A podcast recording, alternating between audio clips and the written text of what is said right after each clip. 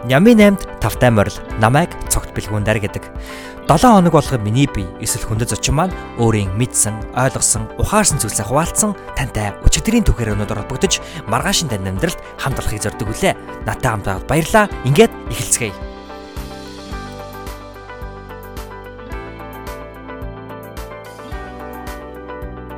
Сайн байцгаана уу сонсогчдоо та бүхэндээ энэхүү гайхалтай энэ 7 хоногийн эцэс хийгээд энэхүү гайхалтай шин 7 хоногийн мэндийг хүргэж байна. Яг одоо Америк нэгдсэн улсад 2017 оны 12 сарын 24-ний а оройн 9 цаг болж байна. Өнөөдөр энд ням гараг байгаа. Тэгээ яг үдээд бол Монголд бол өглөөний даваа гараг эхэлсэн байгаа. За тэгээд Ямын 8 нэвтрүүлгээ бид нэр 2018 он 17 онд нийтдээ энэхүү дугаартайгаа нийлээд 14 дугаар гаргачихсан байна. За 14 дугаарын 10 11, 12, 13, 14 гэсэн энэхүү 5 дугаар маань бүгд подкаст байдлаар хүрсэн байгаа лээ. Түүнээс өмнөх 9 дугаар маань болохоор бүгдөө блог байдлаар хүрсэн байгаа. За тэгээд 2017 онд би та бүхэнтэйгээ Ями 8 энэхүү нэвтрүүлгээр подкастаараа уулзсандаа би бол маш их талархаж бас баярлж байна. Тэг ягаад би талархаж байна гэхээр энэхүү Ями 8 гэдэг подкаст маань надад маш гайхалтай нэгэн юм орон зайг бий олгож байгаа. Надтай адилхан маш олон хүмүүс байдаг бах. Аа тэр нь ямар хүмүүс вэ гэхээр асар олон зүйл сонирхолтой. Өнөөдөр би зөвхөн өөрийнхөө мэрэгжч буй мэрэгчлийн талаар ч юм уу аль эсвэл өөрийнхөө тогтмол уншдаг салбарын талаар ч юм уу аль эсвэл өнөөдөр яг өөрийнхөө ажиллаж хөдөлмөрлөж байгаа салбарын талаар ч юм уу сонирхолтой ч гэсэн зөвхөн тэр талаараа би байнгын яриа зөвхөн тэр талаараа хүмүүстэй санал сэтгэлдээ хуваалцаад байх ийм боломжгүй мэт сайн надад санагддаг. Маш олон зүйлүүдэд миний одоо анхаарал очиж хүртэл дээ. Одоо жишээ нь магадгүй зурхаа байж болно тийм ээ. Зурхаанд бол үнэхээр дуртай сонирхолтой зүйл гэж боддог. За тэгээ би хов хүний хөгжил дуртай, улс төрд сонирхдаг, бизнес сонирхдаг, улс орны эдийн засаг судалдаг. Аа за тэгээ сүүлийн үед сансар судлалд айгүй их дуртай болоод байгаа. Гих мэтчлэн за тэгээ шашинд шашин судалдаг янз бүрийн сүнслэг байдлуудын тухай судалдаг. Сэтгэл зүйд дуртай гэдэг ингээд олон зүйлд бол яах аргагүй дуртай. А тиймийн учраас нэг сэдвт баригдахгүйгээр энэхүү Ямин 8 гэдэг орон зайгаараа дамжуулж та бүхэнтэйгээ өөрийнхөө 7 хоногт уншсан, ойлгосон, ухаарсан, сонссон, мэдсэн, үйлдсэн, үдсэн, харсан, мэдэрсэн бүх тэрхүү зүйлсүүдээ 7 хоногт 8 зүйлийг онцлог хуваалцах болсондоо би туйлын их таатайгаа. Тэг энэ хүү боломжийг маань бас олгосон интернеттэй баярлаа. За тэгээ хамгийн чухал нь намайг сонсож байгаа, сонсдог хүн болгондоо маш их баярлж байгаа юм шүү. За тэгээд Нямин 8 подкаст нэвтрүүлэг маань энэхүү 12 дугаар сарыг бид нэр ажлаа хойшлуулахгүй 12 сараа болгоё гэж зарласан байгаа. Тэгээ 10 ажлаа хойшлуулах 12 сар болгож зарлсныхаа хүрээнд бид нэвтрүүлгийнхаа 2 дугаарт нь бол яг бүтнээр одоо зочин уурж оролцуулсан. А гэхдээ Нями 8 маань 10 дугаар дугаар буюу хамгийн анхны Нями 8 подкаст нэвтрүүлэгт маань манай найз охин хамгийн анхны одоо зочин болж яг нэг хэсгийг одоо 8 онцлог зүйлийн маань нэг хэсгийг надтай хамт одоо хамтарч хөтөлсөн байгаа юм. Тэгэхээр ер нь бол энэ нэвтрүүлгийн хөтлөгч бол би биш а мөн манай найз өхөн байдаг. А гэхдээ дараа 7 хоногт эргээд манай найз өхөн маань энэ оны хамгийн сүүлчийн дугаараараа та бүхэнтэй уулзах юм байнамаа бит хоёр хамтдаа. Тэгээ бит хоёр хамтдаа дараа 7 хоногт уулзах хамгийн сүүлчийн дугаараараа энэ оны хамгийн сүүлчийн дугаараараа юу ярих вэ гэхээр энэ бол нями 8 биш оны 8 байна гэж бодож байгаа. Тэгэхээр оны 8 гэдэг нь юу вэ гэхээр энэхүү 2017 онд онцлог ухаарсан, ойлгосон, болсон хамгийн гайхамшигтай, гайхалтай үйл явдлуудаа за тэгээд зохиолцсон бэрхшээл янз бүрийн одоо хэвээр өөрийн хувь хүний сул талууд гих мэт зүйлүүдээ бит хоёр бол та бүхэнтэйгээ хуваалцаж яаж давсан одоо яаж одоо асуудал бэрхшээлтэй нүүр тулсан ч гэдэг юм уу тэр зүйлээ та бүхэнтэй хуваалцах юм байгаа юм шүү гэж. За тэгээд өнөөдрийн хувьд болохоор энэхүү Ямин 8 подкастын маань 14 дэх дугаараар би яах гэж байгаа вэ гэхээр ажлаа ошлох 12 сар гэд одоо урайсныхаа хүрээнд бол хоёр зочин уурж оролцуулсан. Хамгийн эхний зочноор маань Франц улсын Бордо хотод амьдарч суралцаж ажиллаж буй Франц анад нэртэй одоо найз маань оролцсон байгаа. Та бүхэн Facebook-аар хайвал Ананд Рони гэдээ олдох байгаа. Тэгээд Франц Ананд гэдэг Facebook пэйжтэй гэж би бурууснааг бол санаж байна. За тэгээд Франц Ананд маань Бордо хотод ажил хөдөлмөрлөдөг гайхалтай нэгэн залуу байгаа. Та бүхэн хэрэг Франц Анандын маань pop тойрны хийсэн подкастыг сонсохыг хүсвэл bilgun.com руу оросоосорой. Bilgun гэдэг маань B I L L G U U N.com com гэсэн юм хаягтайгаа хоёр илтэй шүү. За тэгээд дараагийн хоёр дахь одоо Нямын 8 маань 10 хоёр дахь дугаарын маань зочноор болохоро биш 13 дахь удаагийн зочноор маань болохоро аялагч Батөргөл найз маань оролцсон байгаа. За Батөргөлийгоо бол би 2013 оноос бол мэднэ. Батөргөл бол номтой нөхөрлөлийн клубийн одоо удирдах гиш зүйлийнх нь гишүүдийн нэг. За тэгээ 13 оноос хойш бол тасралтгүй Монгол орн даяар, нийгэм даяар тийм ээ номын одоо цагаан боёгийн нэг маш идэвхтэйгээр дэлгэрүүлж явж байгаа тийм залуу. За тэгээ түүнээс гадна дэлхийн нийт одоо 3 твээр аялж а мөн Америк нэгдсэн улс гэдэг энэ том улсыг бол хүндлэн гулд одоо аялсан ийм түүхтэй залуу байгаа. Тэгээ түүнээс суралцах зүйл маш их байсан. Андаас манчин суралцах зүйл маш их байсан. Энэ хоёр зүйл маань туйлын гайхалтай зочд байсан. Тэгээ 12 дугаар сарын маань хоёр зочноос та бүхэн бас суралцаарай гэж би та бүхэнд өсөе. За тэгээ миний хувьд яах гэж байгаа гэхээр тэдгээр хоёр залуусаас асуусан эргээ нөгөөх 8 асуултаа эргээгээд өөрөөс асууж үзэх гэж байгаа. За тэгээ энэхүү Нямын 8-ын энэхүү 12 дугаар сард онцолсон 8 асуултыг би Нямын 8-ын 11 дугаар дугаарын 8 дахь зүйл дээр онцолсон байгаа. Тэгээ энэхүү онцлогтой бол та 2017 оныхаа 12 сарын ням гараг болгон энэ 8 асуултыг өөрсдөөсөө асуугаарай. Ингэснээр та бүхэн 7 хоногоо үнэлж дүгнээд их одоо өөрөөр 7 хоногийг бас харах болов гэж би ботсон. Ягаад үг гэхээр би ч өмнөөс дугаар дээр хэлж исэн ингээд 7 хоногийн эцсээр яг ингээд Ямын 8 подкаст ингээд бичгээд ингээд ширээнийхээ ард сухаар бодогддог байхгүй. За өнөөдөр би энэ 7 хоногт чи юу хийсэн бэлээ? Юу уншсан бэлээ гэх тийм ээ. Заримдаа үнэхээр юм уншаагүй байвал яана би ерөөсөө энэ 7 хоногт чи уншсан юм байхгүй, мэдсэн юм байхгүй юм биш үү? гэд ингэдэг тийм ээ. Тэгэхээр зөвхөн та өөрийнхөө өмнө одоо хариуцлага хүлээгээ зогсохгүй сонсогч та бүхнийхээ өмнө хариуцлага хүлээдэг юм байна гэдгээ ер нь бол мэдэрсэн. Тийм учраас өөрөөсөө асуулт асуух нь айгүй чухал зүйл юм байна гэж би ер нь бодсон. За тэгээд бас нэг зүйл нь юу вэ гэхээр За ингээд ням гарагт ингээд 8 зүйл ингээд яриа дуусчлаа тий. Тэр дараагийн шууд нэг зүйл толгойд орж ирнэ. Дараагийн 7 хоногт би ямар 8 зүйл ярих вүлээ гэж. Тэгэхээр би дараагийн 7 хоногийнхаа одоо эргээ та бүхэнтэйгээ уулзахдаа янз бүрийн одоо хин нэгэн хэрэггүй өгөөжгүй зүйлтэйгээр уулзахаас илүүтэйгээр аль болох одоо хэрэгтэй зүйлтэйгээр уулзахыг хүсэн шүү дээ. Тийм учраас 7 хоногийнхаа ихэнд эргээгээд бас сууж байгаа байхгүй. Би энэ 7 хоногт юу хийх ёстой вүлээ, яах ёстой вүлээ гэх тийм ээ. Тийм учраас өөрөөсөө 7 хоногийн эцэс болгон асуулт асуух нь ийм ашигтай байт юм байна гэж би ботсон байгаа. За тэгээд энэхүү 8 асуултыг та бүхэн маань ч гэсэн өөрсдөөс асуугаарай. 2017 оны маань хамгийн сүүлчийн 7 хоног бол ийхүү эхэлж байна. За тэгээд а Ер нь бол одоо ингээд хөөр яриад зах зүйл байхгүй дээ. Тэгээд 7 хоногийн одоо Нямын 8-ын маань энэ хүү 17 оны сүүлчээсээ 2 дахь дугаар гэж үзэж байгаа. Тэгээд дараа 7 хоногоос бол хүмүүс маань шинэ он шинэ жил гээд нэлээд завгүй ахах. Тийм учраас хэдүүл айлах товчгоо тодорхой энэ хүү бас Нямын 8-ынхаа подкастыг бас хийгээд өндөрлүүлэхийг хичээцгээе. За. Ингээд өөрөөсөө асуултыг асууя гэдэгхгүй.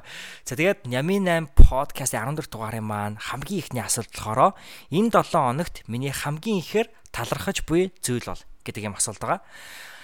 За энэ асуултыг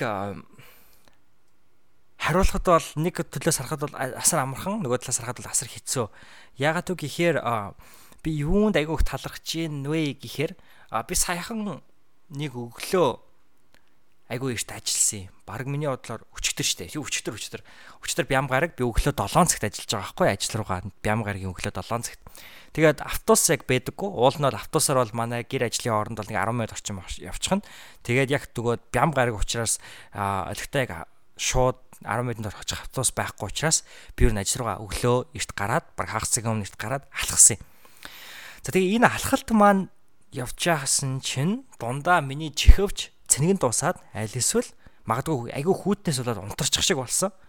Тэгээ би яг тэр чихвчээр ингээ юу сонсч ийсэн бэ гэхээр ер нь яг талархлын тухай сонсч ийсэн аахгүй. Нот шууд утгаараа талархлын тухай биш гэсэндэ амьдралд айгүй их талархдаг нэг хүний подкастыг сонсч ийсэн. Тэр нь хин бэ гэхээр а Gary Vaynerchuk миний хийсэр менторуудын нэг байгаа. Одоо Vayner Media, Vayner Sports гээд олон Vayner гээд одоо том групп компаниудыг бол удирддаг. А Америкт бол олон сая доллараар одоо үнэлэгдэх хөрөнгөтэй. За тэгээд хамгийн одоо олон төмний онд одоо танигдаад байгаа зүйл нь юу гэх юм бол тэр маш шаргуу хөдөлмөрлөдөг. Үүнийг интернетийн буюу одоо төрхөө YouTube-аар дамжуулж өөрийнхөө Daily V гэдэг влогийг хүргэж хүн ер нь хэрхэн бизнес одоо хийх хэрэгтэй тийм ээ хэрхэн хөдөлмөрлөх хэрэгтэй амьдралд ямар өнцгөөс харах хэрэгтэй ингээд өөрийнхөө амьдралынхаа одоо өнцгүүдийг бол маш гоё өнцгөөс харилцуулдаг ийм хүн байгаа. Тэгээд энэ хүний би подкастыг сонсоо явж байсан байхгүй. Тэгээд нөгөө хүн чинь надад яг тэр нөгөө нэг миний чихвч ингээд ажиллахаа болоод би тэгээд бодож байгаа. Gary Vaynerchuk бол нэг айхтар одоо сүнслэг гэдэг тийм ээ. Одоо шашинлаг хүн бол биш. А гэхдээ хамгийн одоо байж болох тэр хүний шашинлаг чанар нь юу гэх юм бол амьдралд бол маш их бүр маш их маш их маш их талархдаг. Тэгээ маш их талархдаг тэрхүү байдал нь өөрөө хэлдэг байхгүй. Би амьдралд маш их талархдаг учраас л ер нь ийм их хөрч хүчтэй гэдэг тийм ээ өглөө 5 цаг цэрчээд орой унтах хүртлээр тэр хүн бол ярэ ингээд та нар бичлэг харж байхад хаанаас гардыг гимээр бүр аимшигтай их тийм ирч хүчтэй хүн. Тэгээ тэр хүний хүнээс одоо хүн болох ингээд асуухаар та яаж ингээд байд юм гэхээр амьдралд маш их талархдаг тий. Өнөөдөр хүн болоод төрсэн Америкт амьдарч ийн гэдэг тэр хүний хувьд бол өөрийнх нь хувьд амар талархдаг зүйл нь учраас тэр тэр их талархаж байгаа зүйл нь ингээд байгаа учраас тэр хүн айхуу их өрчөж орж ирдэг гэж байгаа юм. Тэгээ би өөрөөсөө тэр өглөө бүр асууж байгаа би өөр нэг амьдралтаа юу юм талархдаг байлаа гэл. Тэг хамгийн түрүүнд бодогдож байгаа. Юуны өмнө мэдээж хэрэг ээж авдаа бол яахан хэрэг талархаж байна. Аа ягаад гэхээр мэдээж төрүүлсэн тийм ээ. Аа тэр хоёр бол намайг төрүүлсэн хүмүүс. Тэгээд зарим нэг би яг хиний одоо яриаг сонсч санахгүй байна. Гэтэ би яг энэ талаар бас сонссон байхгүй. Зарим ээж аавууд гэтэ цөөхөн тийм ээ эсвэл баг хийсэрч одоо хийсэр зүйл ярьж иг л тоосоор би хүмүүс ээж аавыг хэлээгүй шүү. Аа зарим ээж аваад хүүхдүүд нь төрчхөөр тэр хүүхдүүд нь тэдний өмнөөс төрчихсэн юм шиг ханддаг тийм ээ. Би чамайг төрүүлээ үсттэй. Чи надтай яага ингэж харьцаж байгаа ингэж хүүхдтэйгээ зарим ээж аваад харьцахдаг тийм ээ. Гэтэл өнөөдөр би ч юм уу ямар нэгэн хүүхд өнөөдөр бид нар хинэн ч ээж аваасаа намайг төрүүлээд өгөөч гэж гуйгаагүй. Бид нарыг бидний ээж аав л энэ ертөнцийн аваад ирсэн. Аа тэгээ бид нар угаасаа асуугаагүй хахад бид нарыг одоо төрүүлчихэд би чамайг төрүүлээ эцтэй би чам өсгөлөө өсгсөн бидтэй гэд ингэж харцдаг одоо маш цөөн тохио одоо ээж аваад байдаг баг. А миний аав ээж хоёр бол хизээш одоо тийм байгаагүй. Тэгээ би бол түүндээ яг тэр өглөө өвлийн одоо өчтөр тийм ээ бям гаргийн өглөө үүрээр шүн ингээд харанхуй талхаж байхад бол түүнийг их бодсоо. За тэгээд дараа мэдээж хэрэг Монголдо төрсөндөө туйлын их баярлсан. Өнөөдөр дэлхийн хаашаа харан дайн тулаан янз бүрийн аимшигтай зүйл болж гин, өвчин тахал болж гин. хэдийн Монголын одоо эдийн засаг улс төрийн байдал докторгүй байгаа ч гэсэндэ Монголд бол төрж төрж одоо хүн болсны маш олон гайхалтай зүйлүүд байгааг бид бүхэн мэдж байгаа. За тэгээд их орон ээж авдаа бол үүний түрүүнд хамгийн түрүүнд бол яхаа талархдаг. Юм байна лээ ингээд өөрөөсөө асуугаад үзэхээр.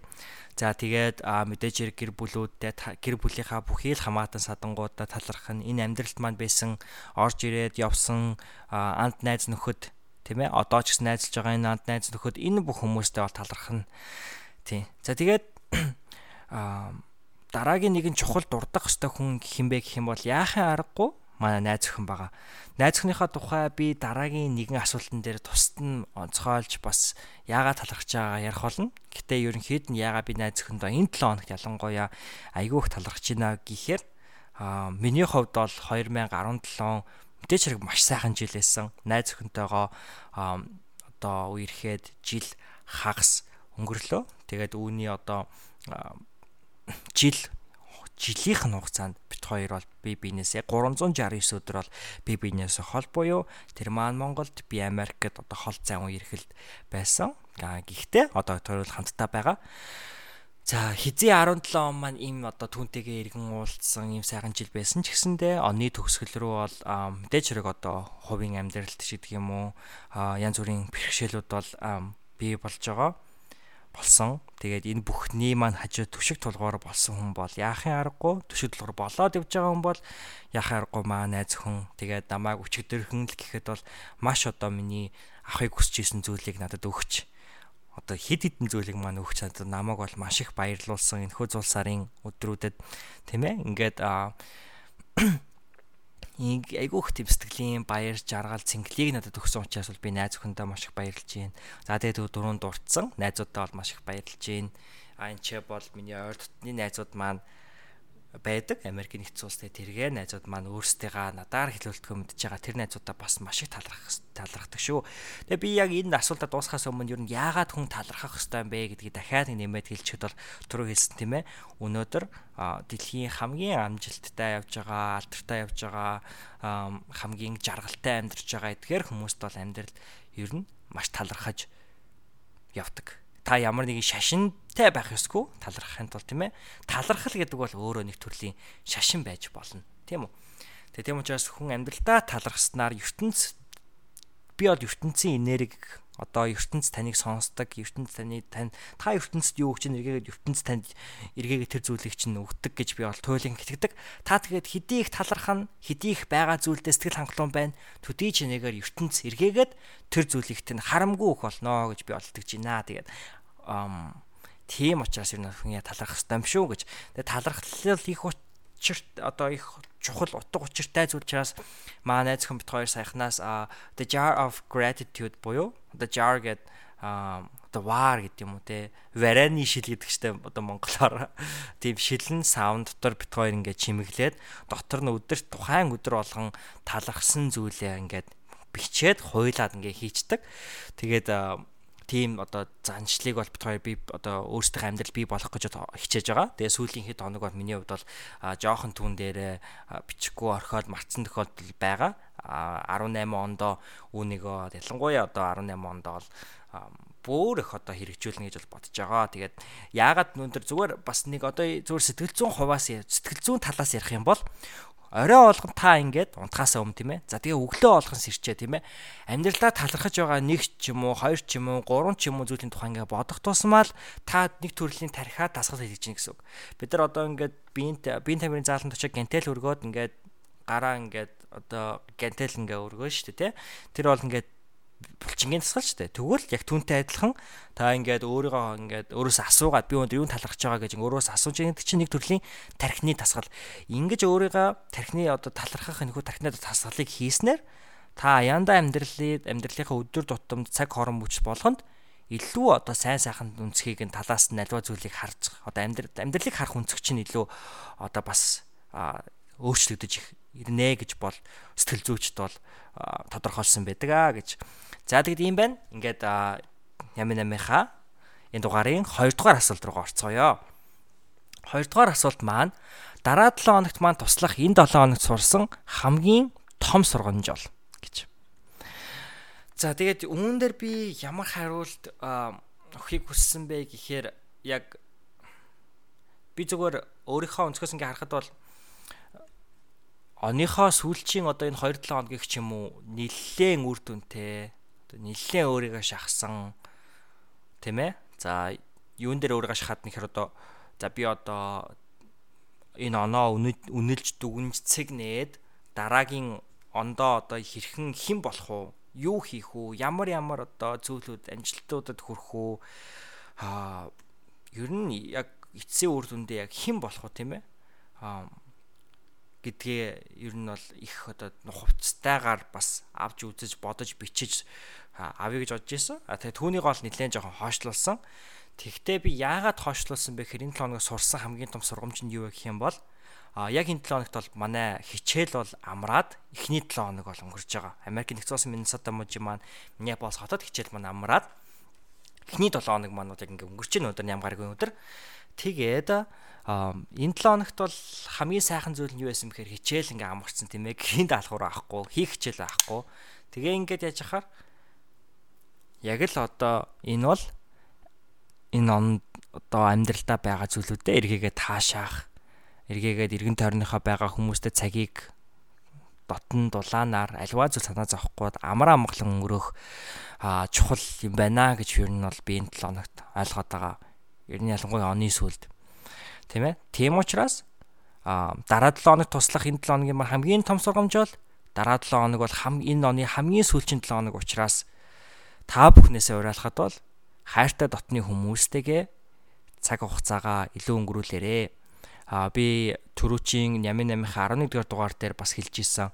Тим Урбан гэ залуу юу гэж хэлж ирсэн бэ гэхээр өнөөдөр бид нэр амьдралынхаа аав ээжтэйг өнгөрүүлэх эцэг эхтэйг өнгөрүүлэх нийт амьдралынхаа 80%-ыг ахлах сургуулиасаа өмнө өнгөрөөгөө дуусчихсан байдаг гэж. Тэгээд одоо их сургуульд ордог ч юм уу ахлах сургуулаа төгсөөд бид бол аав ээжтэйгээ нийт амьдралынхаа ерөөсө 20%-ыг нь өнгөрүүлдэг гэсэн судалгаа хийдэм байлээ. Тийм учраас та бүхэн бол одоо аав ээжтэйгээ эмээ өвөөтэйгөө тийм ээ амьд сэрүүн байгаа ойр дотныхоо хүмүүстэйгээ цаг хугацааг маш гайхалтай өнгөрүүлээрэ 2017 онд та багадгүй бодож иж магадгүй. Хүн болгон л бид нар өнөөдөр ялангуяа энэ орчин үед 21 дугаар зуунд бол өөрсөнтэйгөө маш хатуу байдаг тийм ээ.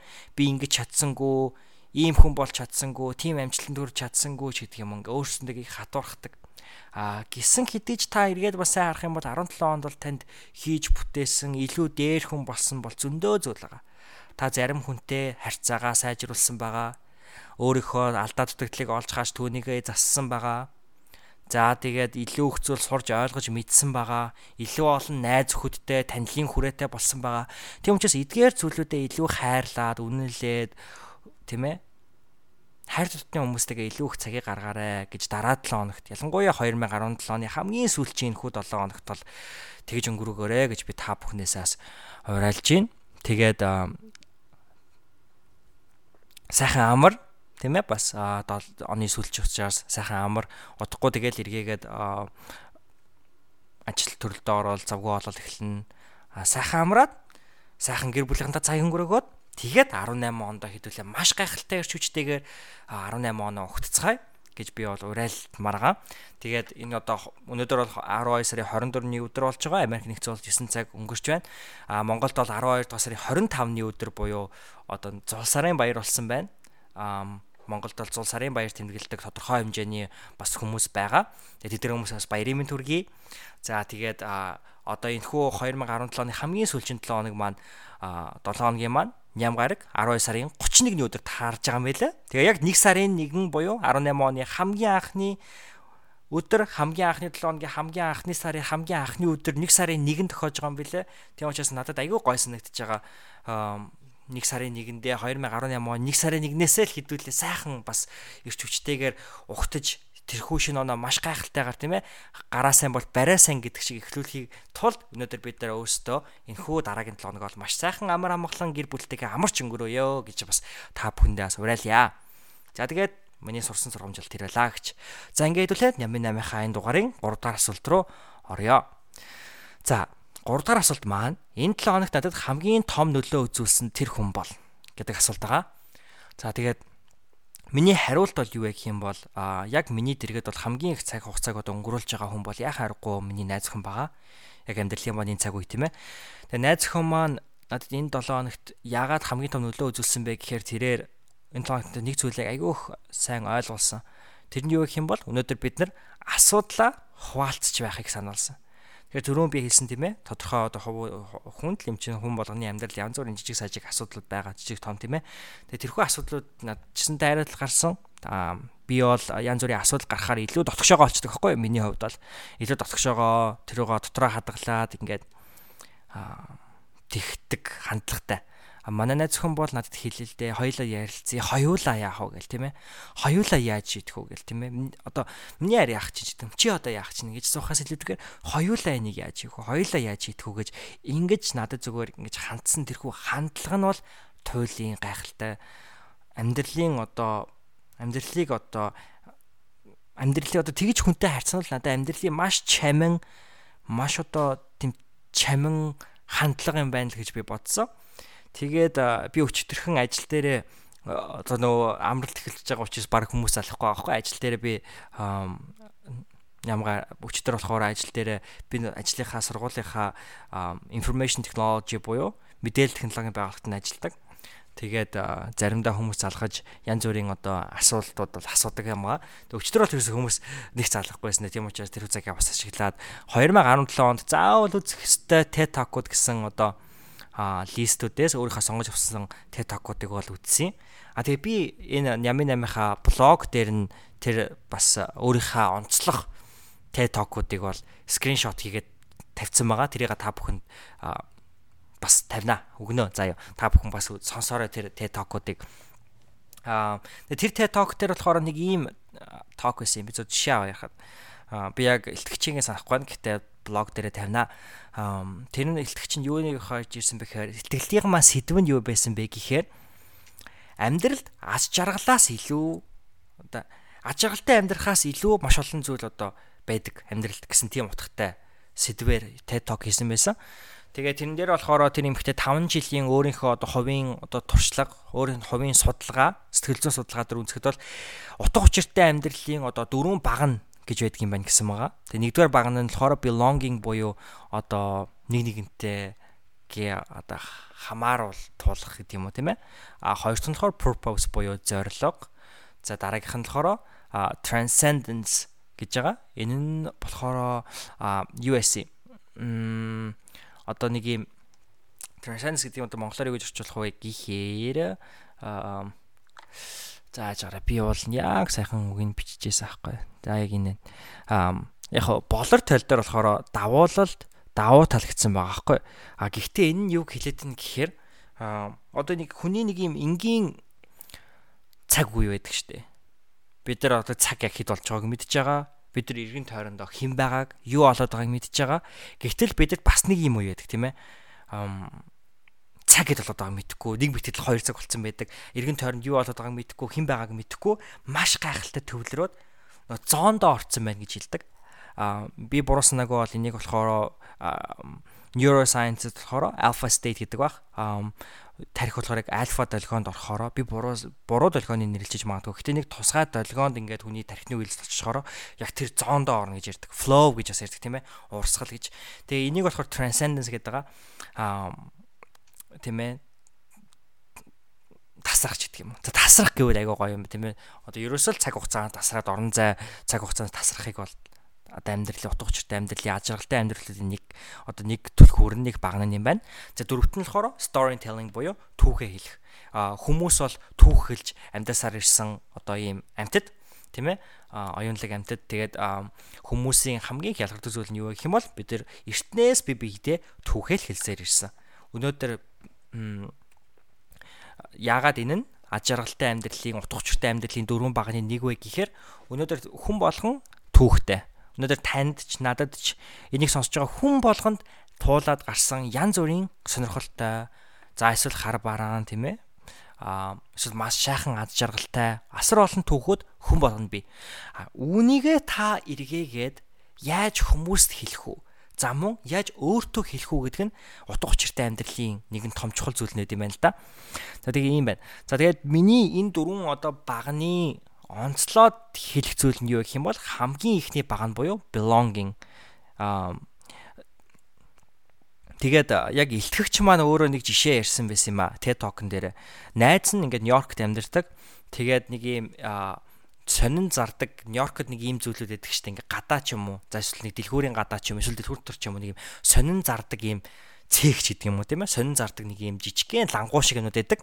Тэгээд хүмүүс болохоор ингээд тэр сонин зардаг хүмүүс дээр нь очиод ингээ сонингоо аваад сэтгүүлээ аваад ингээ уншаад ингээ явдаг нэг юм азэрдэг да.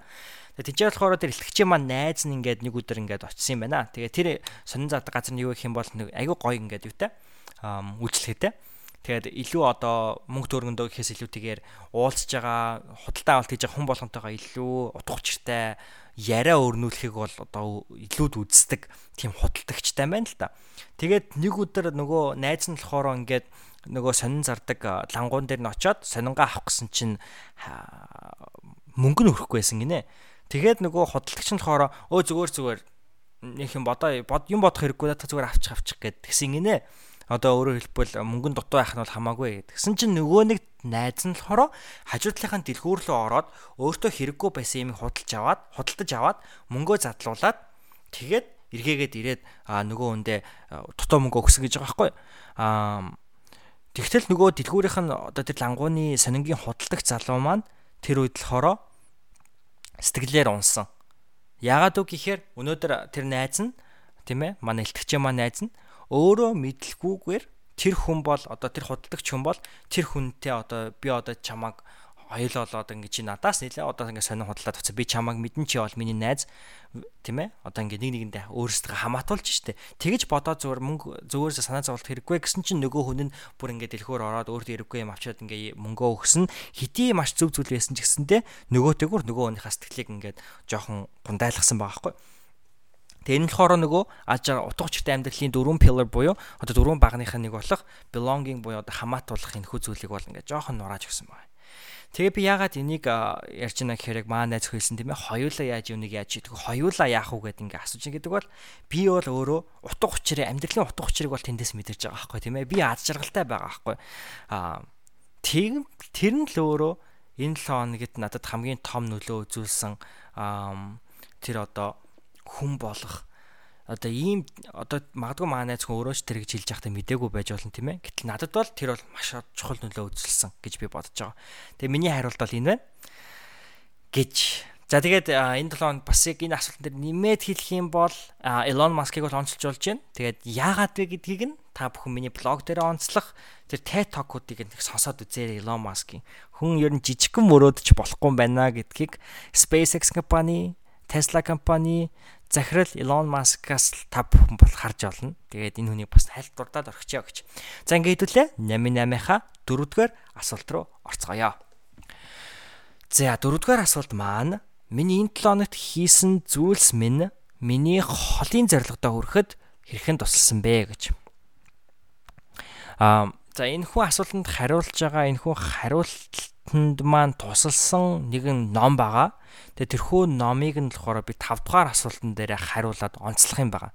А яг би юу хийгээд энэ 7 хоногт юу хийгээд нэг зүйлийг онцлох хийсэн зүйлээс нэг зүйлийг онцлоод ярихад бол тэгээ тэр нь надад хоолын залхад тусалсан бэ гэхээр би а одоо яг миний энэ хүү хийж байгаа Ямин 8 подкаст хийгээд бэлгүүн.com хийгээд ер нь одоо яг миний энэ хүү хийж байгаа зүйлийн дараагийн нэг жилийн төлөвлөгөөг бол би төлөвлөсөн байгаа яг бүрэн дүүрэн 100% бол болоогүй.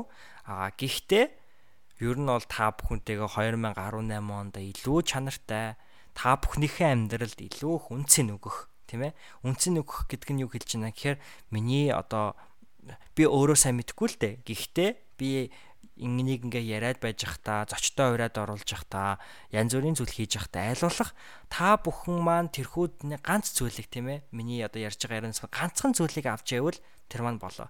Та бүхэн маань миний ярианаас авах зүйлийг маань аваад гээх зүйлийг маань гийгээд амьдралтаа нэг ч ихсэн зүйлийг надаас олж авч ивэл тэр бол миний хувьд маш их утга учир.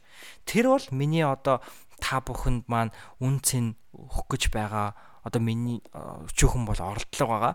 Тэгэхээр үн цэн өгнө гэдэг нь юу хэлээд байна гэхээр одоо та надаас ганцхан зүйлийг ухаарад тийм ээ ганцхан зүйлийг мэдээд ухаарах нь цаашаа.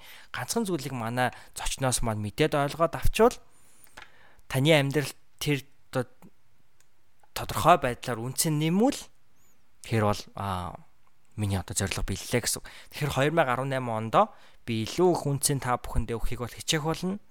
2018 онд илүү их одоо чанартай контентуудаар уулзахыг хичээх болно. За тэгээд 2018 онд та энийг сонсоо сууж байгаа олон хүмүүстэй ч гэсэн биеэрээ уулзаж ярилцаж энхүү Ямин 8 гэдэг зүйлийг бол 7 хоногоо дүгндэг энхүү зүйлийг бол уламжлал болгохын төлөө би бол зүтгэнэ гэж хэлье. За тэгээд тэгээд би бас энэ чэли нэг зүйлийг юу гэж онцлмоор байна гэхээр а бас нэгэн зүйлийг бас хариуцлагатайгаар мэдгэдэхэд бол би бас яга хариуцлагатайгаар мэдэгдэж гин гэхээр а 2018 онд бол би илүү хичээх болно мэдээж та бүхэнтэйгээ илүү их контентээр хүрэхийн тулд тийм ээ. Аа тэгээд а би бол яг энэ хүү бэлгүүн.com гэх вебсайт байгаа тийм ээ. B I L L G U U N гэд бэлгүүн гэдэг нь хоёр хэлтэй. Тэгээд .com гэдэг вебсайтаараа дамжуулж ерөөсө дараагийн нэг жил хийгээд дараагийн 20 хэдэн жилдээ бол нэг л зүйлийн тухай би бол ярина гэж төлөвлөж байгаа. Энэ болохоор өдөр бүрийг хэрхэн үр шимтэй, үнцэнтэй үр дүнтэй, үр бүтээмжтэй өнгөрүүлэх вэ гэдэг дээр би ер нь төвлөрөх юм байгаа. Тэгээд Ями 8 гэдэг нөхөө подкаст маань ерөөсөө л эргээгээд яг тэр төв хамааралтай. 7 хоног өдөр болгон би яг 8 зүйлэг ч юм уу, 1 зүйлэг ч юм уу онцлоос ярихаас илүүтэйгээр өөрийнхөө хийгээд бусдын 7 хоногоос нь сурсан хідэн зүйлийг та бүхэнтэйгээ дүгнээд хэлэх гэсэн тэрхүү орлого маань Ямин 8 подкаст байгаа. Тэгэхээр яг одоо миний хийж байгаа хийх гэж байгаа зүйлсийн маань хамгийн ихний одоо нэгэн хэсэг бол энэхүү подкаст байгаа юм шүү гэдэг та бүхэндээ бас хариуцлагатайгаар хэлж байна. Тэгээ яага хариуцлагатайгаар хэлж байна гэдэг хамаараа гихээр Ерөөсөө л дараагийн нэг жил, дараагийн 20 хэдэн жилдээ бол би өдөр болгоныг л хэрхэн үр дүнтэй өнгөрүүлэх вэ гэдэг зүйл дээр л ер нь бол төвлөрхийг хичээх болно. За тэгээ мэдээж хэрэг би бол түрүүн хэлсэн тийм ээ олон зүйл сонирхолтой гэж аа бас мэдээж хэрэг одоо надад Америк нэгдсэн улс сурдаг хүний хувьд бол надаас Америкт сурах ч юм уу гадаад сурах талаар янз бүрийн зөвлөгөө эдгээр зүйлийг бол хүмүүс бол тогтмол асууж идэг. Тэдгээр хүмүүст бол мэдээж хэрэг туслах чадчих нэгээр тусалсаар байх болно. Аа гэхдээ эцсийн эцэст эргээгээд миний хамгийн гол ярих сэдв хамгийн чухал зүйл маань яг өдөр бүрийг хэрхэн одоо үр дүнтэй, үр шимтэй, үр үнцэнтэй, үр бүтээмжтэй өнгөрүүлэх вэ гэдэг дээр төвлөрөх юм байгаа юм шүү. Тэгээ та бүхэн маань 2018 онд илүү одоо үр бүтээмжтэй, илүү одоо цаг хугацаагаа цагаа зөв зохицуул сурахыг хүсэж байгаа бол надтай хамт одоо 2018 онд маань надтай хийгээд манай найзуудтай хамт 18 онд маань энэхүү аялалд маань хамт гараарай гэж та бүхнээсээ хүсч урайлж байна. Тэгээд хамтдаа а өдөр бүрийг илүү гайхалтай өдөр бүрийг өмчилж өдөр бүрийг ад жаргалтай өдөр бүрийг утга учиртай өнгөрүүлэхийн төлөө хамтдаа 18 оны өнгөрүүлцгээе гэж би бас та бүхнээсээ хариуцлагатайгаар хүсч гойж урайлж байгаа юм шүү. Тэгээд энэ бол яг миний энэ 7 хоногт хийсэн зүйл одоо дараагийн жилийнхаа яг энэ одоо хийж буй ажлынхаа зорилгыг тодорхойлсон маань за магадгүй ирээдүйд маань туслах олон зүйлийн чухал зүйлийн маань нэгэн хэсэг бол би гэж би бол ойлгож байгаамаа гэж. За ингээ хэлүүлээ. Нямын 8-ийнхаа 5 дахь асуултыг өөрөөсөө асууя. За тэгээ 5 дахь асуулт маань уншсан хамгийн хэрэгтэй ном зохиол аль эсвэл мэдээ артикл маань юу байсан бэ гэдэг ийм асуулт байгаамаа. За энэ хүү асуултанд би юу гэж хариулмаа гэхээр а миний ховны хөгжлийн хийсэн менторуудын нэг болох Brandon Burchard гэдэг хүний The Millionaire Messenger буюу Messenger одоо Messenger гэдгийг монголоор одоо орчвол шууданч гэдэг юм уу тийм ээ. Дээр үед нөгөө нэг монголчууд хам дэлхийд хамгийн анхны өртөөг бий болгосон байдаг тийм ээ. Өртөө хооронд ингээд гүдэг тавхитаг хүмүүс байгаа. Тэгээд тэр хүмүүсийг бол Messenger гэж хэлдэг. Тэгээд түүнтэй адилхан The Millionaire Messenger буюу саятан Messenger, саятан шууданч гэдэг одоо энэ хүү номыг бол та бүхэндээ бас би онцлмоор. Тэгээд би яагаад энэ номыг онцолж байна гэхээр а энэ ном юуны тухай ном бэ гэхээр а хэрхэн ямар нэгэн сэдвийг сонгож аваад түүгээрээ дамжуулж хүмүүст зөвлөгөө өгч түүгээрээ дамжуулж хүмүүсийг илүү яг тэр сэдвийнхаа хувьд тийм ээ тэр тэр сэдвээр таныг ч юм уу нэг сонсож байгаа ихнийг чамаагүй илүү одоо мэрэгшүүлэхийн тулд би юу хийж болох вэ тийм ээ түүнийг бол одоо сургасан заасан байдаг. Тэгээ маш одоо практикал алхмуудыг бол одоо хэлсэн байдаг. Тэгээд яг энэхүү номыг уншаал яг энэхүү номдэр гарч байгаа авах хэвээр алхмуудыг авах хэрэгтэй гэсэн тэрхүү алхмуудыг дагаад би яг одоо өмнөх асуултан дээр хариулсанараа Ями 8 бэлгүүнцэг.com-ийнхоо ирээдүгт төлөвлөсөн. Тэгээд энэ номдэр гарч байгаа алхмуудыг бол авах их одоо төлөвлөгөөтэй байгаа. Тэгээ та бүхэндээ зөв хайл тайл сонирхуулахад бол одоо жишээ нь одоо ном дээр юуг ярьж ийн гэхээр За одоо яг ингээд өөрийнхөө мэдих чадах зүйлээр эксперт болж тийм ээ түүгээр зөвлөгөө өгдөг хүмүүсийг бол эксперт гэдэг. За тэгээ зарим хүмүүс бол гүрүү гэж хэлээд байдаг тийм ээ. Тэгээ яг энэ одоо ийм хүний амьдралаар амьдрахын одоо амьдралын хэм маяг нь ямар байдгийг. За тэгээ яг яаж юуныг одоо олон хүмүүст хүргэж илүү өөр бүтээмжтэй, илүү өөр дүнтэйгээр илүү олон хүмүүст хүргэж цаашлаад ер нь бол хэрхэн бизнесийг бий болгох уу гэдгийг бол энэ ном бол заасан байдаг. Тэгээ яагаад бизнесийг бий болгох ёстой вэ гэхээр өнөөдөр та ямар нэгэн мессежийг үнэхээр хүргэх, ямар нэгэн үнэхээр том зорилготой байгаа бол түүнийгээ тодорхой хэмжээнд одоо бизнес олгож жижиг том болох хамаагүй тийм ээ бизнес олгож хүмүүс одоо хүмүүс бизнес болгосноор эргээгээ тэр зүйл маань одоо мөнхийн хөдөлгүүр болж хувирдаг. Тэгээд мөнхийн хөдөлгүүр нь ямар хэрэгтэй гэхээр илүү олон хүнд илүү хүртээмжтэйгээр илүү чанартай илүү гайхалтай зүйлүүдийг хүмүүс хүргэхийн тулд бол ямар ямар алхмуудыг хэвж ямар ямар одоо зүйлүүдийг гүйцэтгүүлж бизнес олохыг бол ер нь бол заасан байдаг. За тэгээ түүнээс гадна бол одоо яг ийм амьдралын замыг аваад сонгож байгаа хүн ямар сэтгэлгээтэй байх ёстой юм. За тэгээд хэрхэн одоо өөртөө яг итгэх ёстой ингэ тийм ээ. Ялангуяа одоо ингээд ийм зүйл хийж байгаа хүний хувьд бол өөртөө итгэх итгэлээр унах тохиолдол бол маш их байдаг шүү дээ. Тэгээд тэр итгэлийг яаж олж авах вэ? Гих мэтчлэн тийм ээ. За тийм эцсийн хамгийн чухал зүйлийг нэг нэг үйлдэлд оруулах юм бол бусдын хийгээд өөрийнхөө амьдралыг гэрэлтүүлэх арга замыг л заасан юм. Цөөхөн хідэн хуудастай ном байдаг. Би буруу санааг бол Брэндон Бушат бол энэ номоо үнгүү зардаг санагдаж байна. Тэгээ зардаг гэдэг нь юу гэх юм бол та онлайнаар 7-оос 8 доллар нөгөө шиппинг буюу илгээх нислэгийнхаа одоо тэрхүү пакэж илгээх зардлаа төлөөд шуудангийн зардлаа төлөөд энэ номоо бол үнгүү авдаг ийм ном байсан. Тэгэхээр энэ ном бол надтай жил 2 жилийн баг хугацааг өнгөрүүлж байгаа. Одоо ингээ харахад бол нэлээд хэрэгэлсэн ном байна. Тэгээд ями 8-ыг хийж байгаа энэ бүх зүйл маань энэ номтой бол их холбоотой. Тэгээ энэ номыг бол яхаа аргагүй энэ онцлоод та бүхэндээ бас хүргье гэж. За ингээ хэлүүлээ. Нями 8-ийнхаа энэ дугаарын 6 дахь асуулт руу орцгоё. За энэ 7 хоногт тогтмол үйлдсэн хамгийн зөв зуршил маань юу байв гэдэг асуулт байна. За уучлаарай ус уусан шүү сая. Тэгээд бүр ам хатчихлаа. Аа. За тэгээд энэ 7 хоногт тогтмол үйлдсэн хамгийн зөв зуршил маань юу байв гэдэг асуулт нь юу гэж хариулах вэ гэхээр шүдэ угаасан. Шүдэ угаасан маань энэ 7 хоногийн маань хамгийн зөв зуршил байлаа гэж би та бүхэндээ хэлмээр байна. За би яг энэ мөчд бол онцлоод хэлчихье. Энэ 8 асуултыг бол би яг анх гаргаж одоо биччихээд зочдоос асуухаас өмнө бол өөрөөсөө асуугаагүй. Тэгээ яг ингээ өөрөөсөө асуусан чи айгүй хэцүү юм билээ тийм ээ. За тэгээ миний хувьд бол ядаж ингээд асуултанд ингээ жоохон бэлдээд ингээд ярьчих байгаа байхгүй. За би энэ дээр ийм асуултан дээр ийм ярьчин ярьчин ингээ тийм ээ. Тэгээ зочид маань бас нэлээд толгомцсон байж магадгүй. Гэтэ бол энэ асуултанд бол маш гайхалтай гайхалтай хариултыг өгсөн шүү дээ тийм ээ. Тэгээ бодохоор манай анд маань Батөргөл маань ямар гайхалтай юм бэ? Би бүр ингээд гайхаад барахгүй. Энэ асуултууд бол миний хувьд айгүй хүн санагдаж байгаа. Тэг яг одоо ямар зөв зуршил маань байваа гэсэн чинь надад ерөөсөө юм бодогдохгүй байхгүй. Тэгээд би яг энэ 7 хоногт хэлсэн тийм ээ.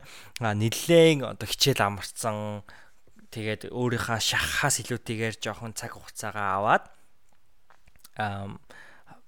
илүү ойртныхоо нанд найз нөхөд хайртай хүмүүстэйгээ найз хүнтэйгээ цаг хугацааг илүү зарцлаа гэж бодсон. тэгээрээ ер нь бол янз бүрийн одоо зуршлуудыг бол их одоо өөртөө суулгахыг бол оролдоогүй.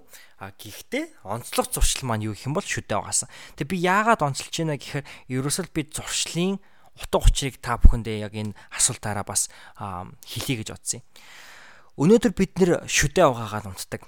А өнөөдөр та нэг өдөр ингээд шүдэ угаалаа маш гайхалтай өвчт болоо шүдчин цагаараа шүдчин цайраа тийм ээ тааштай ингээд цав цагаан шүдтэй болоод ингээд унтахгүй шүү дээ таны ингээд шүд ингээд өвчтэй ялаа гэж бодоод шүдэ угаагаад ингээд унтахад бол тэр таны шүдтний чи өвчин идэгрээд та ингээд ив ирүү шүдтэй бол бол бас болохгүй а Тэгвэл яагаад өнөөдөр бид нар шүдэ угаагаад байдیں۔ тийм ээ. За яг ингээд өдөр өдрийнхаа ингээ амныхаа амн дээр ингээ тогтсон одоо хоол хүнс амныхаа бохирдлыг ингээ угааж байгаа юм байна. Ойлгомжтой. Гэтэл үнэхээр яагаад таны өвчнийг идгээхгүй тийм байхад өндөр бид яагаад угаагаад байдیں۔ Тэг энэ бол нөгөө дадал зуршлын хүч байгаа байхгүй. Өнөөдөр бид нар өдөр болгон үнэ давтан давтан хийдгийн учраас бидний шүд цагаанаараа байдаг ч юм уу тийм ээ. Өдөр болгон давтан чанартай сойзоор чанартай оогоор угаадаг учраас шүдтэн цайрж байгаа байж болно. Өдөр болгон та бид нар шүдээ угаадаг учраас бүх шүдүүд маань хорхоо идэхгүй эрүүл байж байгаа ч юм уу тийм ээ. Иймэн учраас өнөөдөр дадал гэдэг ямар чухал юм бэ гэдгийг та бүхэндээ хэлгэсэн.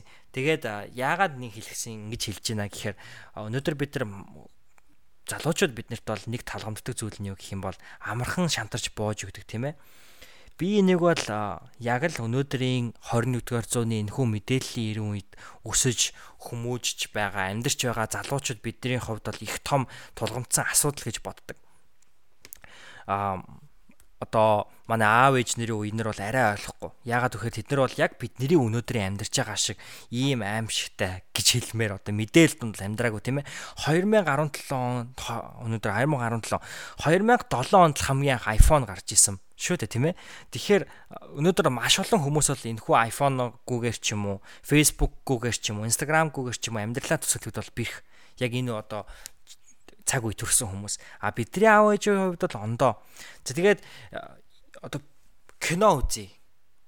Кино дотор явах албагүй, Netflix ороод ингээл хитэн кинодаар киноп дараал киногоо ар араас нь үзчихин тийм ээ. Дээр үед бол олон ангитай киног 7 хоног болгон хүлээж байгаа нэг анги үздэг байсан бол өнөөдөр та Netflix ороод нэг шөнийн дотор нэг сериал киног дуусгачих болж байна.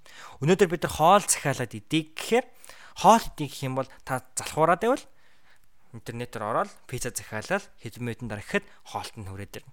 За тэгээд ингэж. За өнөөдөр та амар хол амьдарч байгаа хамаатантайгаа яриг гэвэл мессенжер рүүгээ ороод voice call хийдэг ч юм уу, video call хийдэг ч юм уу ингээл ярьчин. Бүх зүйл бол маш богино хугацаанд instant гэж хэлдэг тийм ээ. Тэр дороо ингэж бий болчдөг.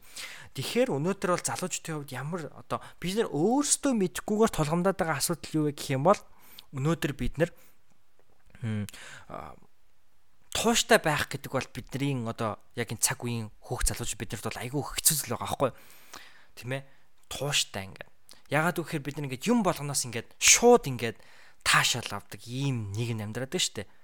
Уцаа дэлгэлээ шууд эртнийхээ найзуудынхаа зургийг хараад найзуудаа санаж ивэл шууд харцдаг. Ингээ бүх зүйл ингээ шууд ингээ бий болчдаг. Гэтэл өнөөдөр бид нар ингээ задал зуршил ингээ яах юм гэхээр яг эргээгээ сэтгэл зүүн хувьд бол нөгөө шууд ингээ таашаал авчдаг энэ нийгэм амьдраад байгаа учраас тарих маань ч гэсэн тэр зүйлийг хүлээж аваад одоо ингээ шууд ингээ бидэрт өр нөлөөг өгөхгүй байгаа зүйлүүдээс ингээ амархан шантардаг. Жишээ нь одоо жимд явах. Өнөөдөр та нэг өнөөдөр та нэг удаа 7 хоногт нэг удаа жимд яваал а шууд ингээл айхтар болчиндаг болдог ч юм айхтар жингээ хасцаад айхтар ингээл туранхаа гуайлаг сайхан хүчтэй болчихгүй шүү дээ. Харин та 7 хоногт тогтмол 3-аас 5 өдөр ч юм ингээд тогтмол явж иж тийм ээ хоолоо тогтмол зөв хоолж ингэж байж үр дүнгээ харна. А гэтэл өөдөө бид нэг өдөр ирүүл хооллол шууд тураал сайхан болчихгүй тийм ээ. Тэгэхээр дадал зуршил гэдэг бол ийм одоо олон таталтын үр дүнд үр дүнгээ өгдөг зүйл учраас би энэ 7 хоног тогтмол үйлцэн хамгийн зөв зуршил маань шүдэ угаасан гэж та бүхэнд бол хэлээд байгаа хэлхийг хүссэн байгаа юм шүү. Тэгээд инээдтэй санагдчихсан байж магадгүй. Гэтэ эцсийн маань зорилго бол яг л энэ байгаа. За ингээд олон зүйл орсохгүйгээ дараагийнхаа асуулт руу орцгоё гэж. За Дараагийн асуулт маань. Би энэ 7 хоногт хийх ёстой байсан ч хоош нь тавьсан зүйл юу вэ гэж. За тэгээ би энэ асуултанда түрүүхэн нэг хайлт хайр хэлцэндээ би шинэ оны төлөвлөгөө гаргах 2017 онд дүгнэх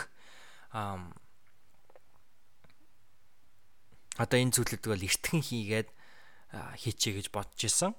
Тийм ээ дараа одоо шинэ оныхоо төлөвлөгөөг бол эртхэн гаргаад эртхэн яач гэж бодож исэн. Гэтэ үүнийгөө бол энэ 7 хоногт бол одоо шувтан хойшлууллаа. Аа гэхдээ түрүүн бол хэлсэн байгаа дараа 7 хоногийнхаа 12 сарын 31-ний яг шинэ оны өмнөх өдөр та бүхэнтэйгээ манай найз зөвхөн бит хоёр бол эргээд уулзах байгаа. Тэгээ эргээд уулзахдаа энэ Ями 8 биш Оны 8 гэдэг тусгай дугаараар уулзаж 2017 онд оноос ойлгосон, ухаарсан, мэдсэн за тэгээд хамгийн гайхалтай амьдралынхаа одоо зөвлөдүүдийг та бүхэнтэйгээ хуваалцах юм байгаа. Тэгээ та бүхэн маань эргээд бит хоёртой ням гарагт заавал эргээд уулзаарай гэж би та бүхнээсээ бас хүсье. За тэгээд миний хоошлуулсан зүйл бол яг тэр байлаа. Гэтэ би та бүхэндээ бол хэлсэн. Хэдий та бүхэн ч гэсэн магадгүй нэг хоошлуулаа сууж байгаа хүн сонсчиж магадгүй зүгээрээ хойшлуулж болно. 12 дугаар сарыг ажлаа хойшлуулахгүй 12 сар болохыг гэж уриалсан мал үнэн. Гэхдээ одоо бол оны манд хамгийн сүүлчийн 7 хоног бол өнгөрч байна. эхэлж байна. Тэгээ тийм учраас энэ 7 хоногоо та бүхэн маань хайртай дотны хүмүүстэйгээ өнгөрүүлж цагийг одоо сайхан дурсамжтай өнгөрүүлээрэ гэж би та бүхэндээ бас хүсье гэд байгаа тийм ээ. Тэгээ тийм байна гэж. За ингээд хэдүүлээ Ями 8-ынхаа хамгийн сүүлчийн асуулт руу орцгоё. За хамгийн сүүлчийн асуулт маань дараа 7 хоногийн өөртөө захиж хэлэх өгсгсөн ийм асуулт байна. За энэ асуултын маань хариулт бас нэлээд төстэй өмнөх хариултуудтай. Тэрхүү хариулт маань өөй дараа 7 хоногийн бэлгүнэ. Чи 2017 оны сүүлчийн 7 хоног тул энэ оноос юу сурсан ойлгосон тэр бүхнээ үнэлцэгнэж энэ жилд ямар гайхалтай зүйл болсон тэр бүхнийг таашааж тэр бүхэндээ талархаарай гэж би дараа 7 хоногийнхоо өөртөө цагж байгаа юм. А би ихтэй сайн нэг алдаа гаргацсан байна.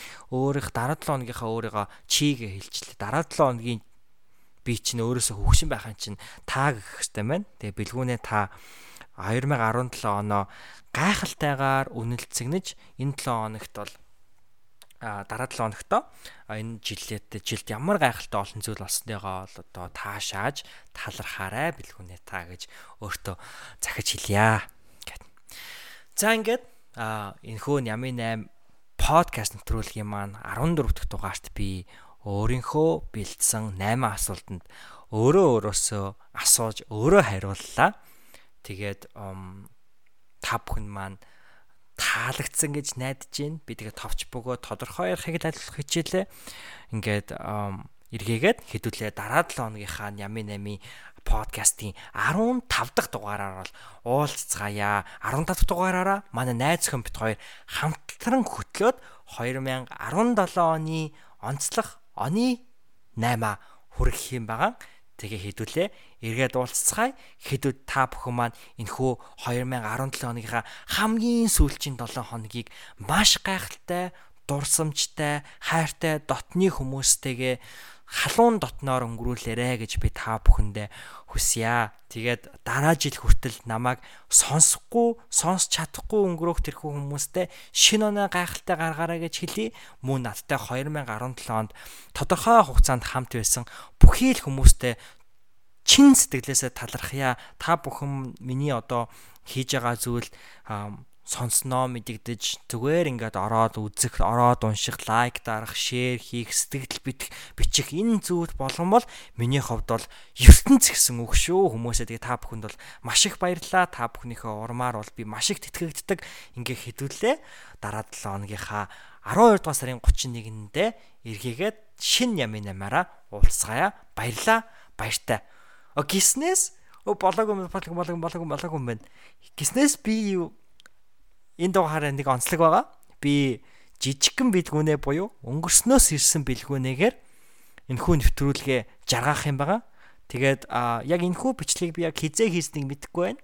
А гэхдээ би подкастыг яг үнэндээ бүр магадгүй 10 настайгаас баг хийдэг байсан юм бэлээ. Тэгээ манай үеэлэгч Камила гэдэг үеэлэгч маань надтай хамт нэг аудио бичлэг хийсэн байсан. Тэгээ тэр бичлэгээ би олсон.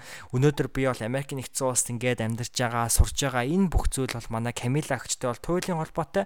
Миний хүүхэд насны дурсамжуудын маш их хэсгийг бол одоо надтай хамт өнгөрсөн хүн бол манай Камила агч маань идэг. Тэгээ Камила агч маань одоо миний нэгэн ийм аудио бичлэгийг бол ингээд компьютер дээр 10 10 10 гаруй жил ингээ хадгалсан байсан бичлэг нь бол ингээ надад дээр ингээ би ирсэн манай бас нэгэн ахаар дамжуулаа тэгээд тэрхүү бичлэгээрээ энэ хүн нэвтрүүлгээ жаргах юм байгаа шүү ингээд хэдүүлээ жоохон надаар буюу жоохон бэлхүүнээгээр нэвтрүүлгээ жаргаал уулалцгаая гэж. За ингээд лээ. Хэрэгэд олзъя. За бэлхүүнээ нэвтрүүлгээ өндөрлөөрэй жижигхэн бэлхүүнээ. За за ингээ манай бичлэг дууслаа. Эрхэм үндэд үзэгчтэй та бүхэн бидний бичлэгийг хүлээн авсанд их баярлалаа. Нэвтрүүлгийг хөдөлсөн сурвалжлагч бэлгүүнэ.